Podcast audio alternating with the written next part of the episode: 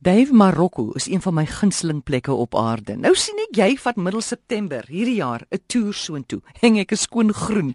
Sê my, waarna sien jy die meeste uit? Ek het nog altyd hierdie diep belangstelling in 'n deel van Afrika wat ons nie beskou as Afrika nie. Is dit nie so nie? Egipte is mos nie Afrika nie. Ja. Ons Suid-Afrikaners is so geneig om te dink aan Afrika as die trope, jy weet, en die savanne.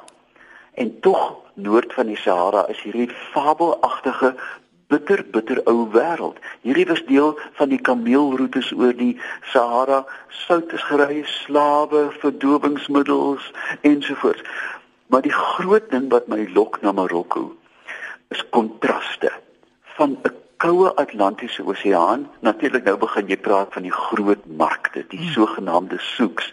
Nou ek ken die souks van die Midde-Ooste, maar nie van Afrika nie daai so ruimtes met baie matte en nou gangetjies wat ruik na speserye en jy weet om elke hoek en draai gaan jy bevark word. Jy verstaan? Ja, eh, eh, hulle is reg om jou kaal uit te trek en jy moet werk vir jou winskoop. As iets R100 kos, dan weet jy jy gaan hom kry vir 20 en jy moet net lank genoeg aanhou. Jy stap weg en skree, ek wil jou nie weer sien nie, dan sê hulle halfprys. Dis een van die dinge. Hmm. Eh, eh, die ou stede van die noordelike Afrika wat gebou is teen die hitte, diep strate, wit geverfde geboue. Maar nou ja, dit het niks met my eintlike belangstelling te doen van die omgewing nie. Maar dan lê daar soos 'n groot soem uh, in in Noord-Afrika, die Atlasgebergte. Nou die goed is hoog. Ek het al oor hulle gevlieg terwyl jy weet met sneeu daaroor. Hulle is hoog en hulle is diep. En elke vallei is 'n nis op sy eie, soos jy opgaan. Kouer, kouer, kouer word dit, die plante raak laer, daar raak minder diere, alles raak klein, soos in die Drakensberge eintlik. En dan amore die oorgang tussen berg en woestyn is soos 'n snit in die landskap. Skielik is daar rooi sand en daar begin my belangstelling natuurlik eintlik. Ek is 'n mens vir die droogtes van die op die droë plekke altens van die aarde Ek gaan een van die dae Gobi woestyn toe. En hier is alles gereduseer na net twee goed: sand en oase. En uiteraard, jy weet, dis die wêreld van die kamele en die wêreld van vreemde kulture.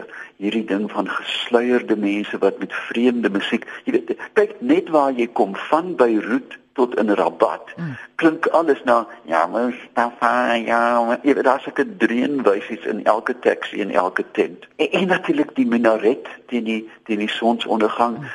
Jy bots teen landskappe wat jy nie ken nie, maar jy bots ook teen teen kulture. Jy besef dat jou geloof nie die enigste is nie. Dat daar groot dele van die wêreld is wat anders glo as jy, anders leef as jy.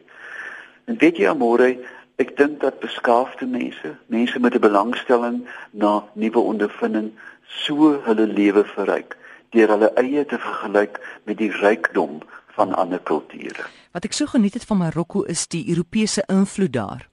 Maar natuurlik, kyk, Marokko was die wegkruipplek van 'n hele klomp avant-garde mense. Nee, hulle was totaal aangetrokke tot die vreemdheid en dan sien jy die diep Franse invloed en na die oorlog, Tweede Wêreldoorlog ook 'n Amerikaanse invloed. En amore ons het natuurlik nog nie begin praat oor kos nie, né? Ja, o, daai tagines, dit is so O, daai tagines. En jy weet, as jy die oggend daar kom en jy dip 'n hardgekookte eier in daai spesery mengsel. Is daar nog so iets? Is daar iets soos het jy harissa geëet? Ja. Ja, oh, mens, jy weet, jy weet jy gaan jammer wees uh, vir 12 uur daarna want hierdie hierdie uh, sous trek deur jou lyf, maar die hemel weet alleen, harissa is my lekkerder as curry. En dis die land van eksotiese tapuite en wat ek so geniet het, Dave, die mense se vriendelikheid en gasvryheid.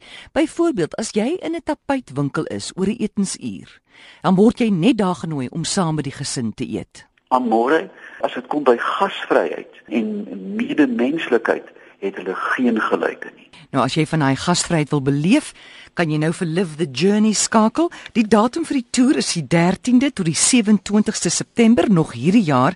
Jy kan hulle nou skakel in Kaapstad by 912 1400 of besoek hulle by livethejourney.co.za, maar die beste is bel nou 021 912 1400 en gaan toer saam met Dave Peppler in die land van kamele en dadels.